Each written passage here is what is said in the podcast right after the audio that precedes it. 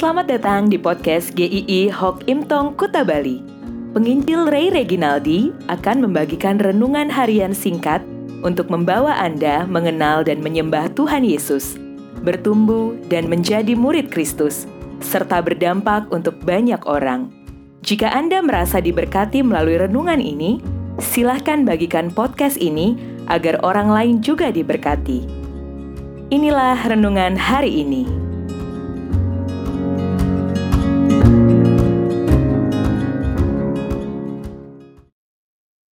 Tidak dapat dihentikan. Kisah para Rasul 26 ayat 19. Sebab itu ya Raja Agripa, kepada penglihatan yang dari sorga itu tidak pernah aku tidak taat. Dari film-film yang menampilkan situasi krisis dan menegangkan, seperti pembajakan pesawat, bencana alam, dan lain-lain, kita bisa menyaksikan berbagai macam orang. Ada orang-orang yang tidak peduli dengan orang lain, yang penting dirinya selamat.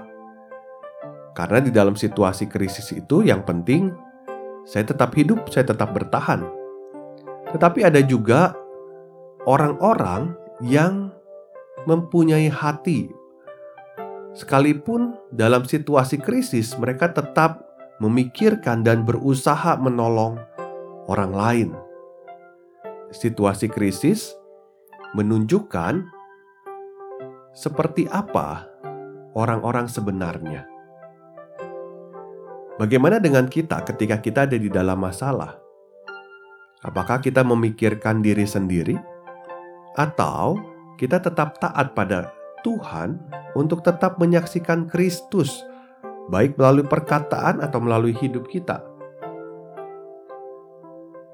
Cerita awal dari kisah para rasul 26 ini adalah saat Paulus di Yerusalem. Dia ditangkap oleh orang-orang Yahudi yang tidak suka dengan dia dan menganggapnya sesat. Dia hampir dibunuh dan dihakimi orang banyak.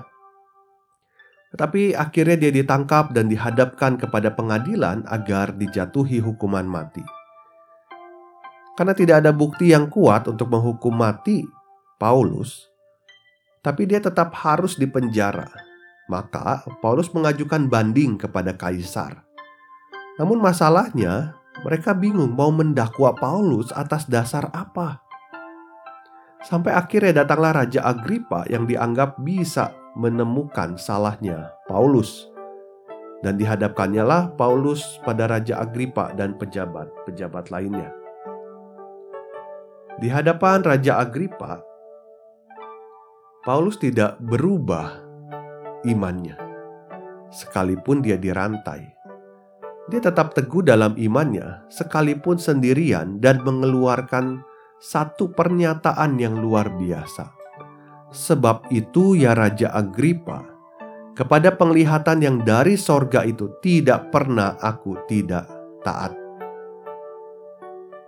Mungkin buat banyak orang ini terlihat seperti yang sesuatu yang aneh sudah menderita sendirian, nyawanya terancam, namun dia tidak mundur, meskipun mungkin ada kesempatan dia bisa selamat.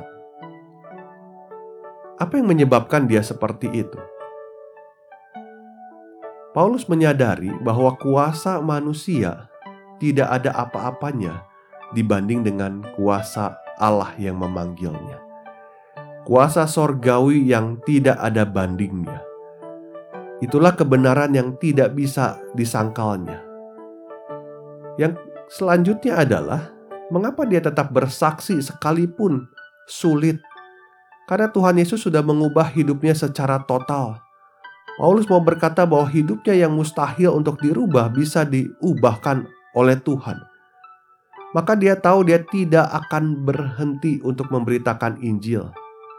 Karena orang serusak apa pun bisa diubahkan oleh Kristus, termasuk Raja Agripa.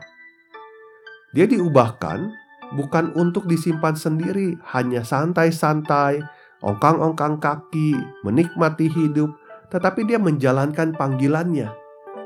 Sekalipun sulit, dia tidak bisa dihentikan untuk memberitakan Injil. karena dia tetap berdoa supaya Raja Agripa dan semua orang yang mendengarnya bisa percaya. Anda bisa melihatnya di ayat 29.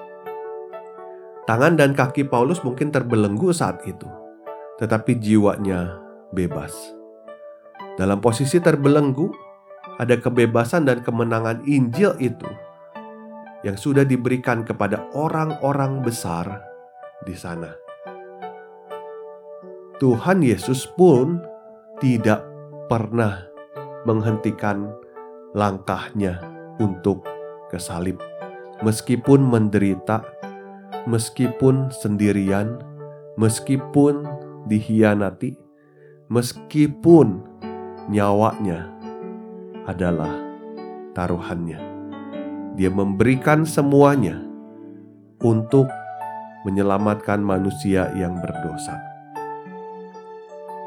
Karena keselamatan yang dari Tuhan itu seharusnya tidak ada yang bisa menghentikan orang percaya untuk tetap memberitakan Injil, kecuali saat nyawanya sudah dicabut. Mungkin ada yang mendengar hari ini tidak sedang dalam kondisi baik-baik saja. Banyak masalah yang sedang dihadapi, tetapi marilah kita tetap ada di dalam jalan Tuhan sebagai muridnya tetap memberitakan tentang Dia, tidak mengkhianati iman kita, tetapi menyaksikannya. Jika kita adalah orang yang sudah mengalami karunia, kasih karunia Tuhan Yesus, kita pasti tetap menyaksikan tentang Dia di dalam situasi sulit sekalipun. Tidak akan ada yang bisa menghentikan kita, walaupun itu masalah yang berat, untuk orang-orang mengerti dan mengenal tentang Kristus. Tetap maju di dalam Tuhan dan tetap beritakan Dia dalam hidupmu. Kira Tuhan memberkati.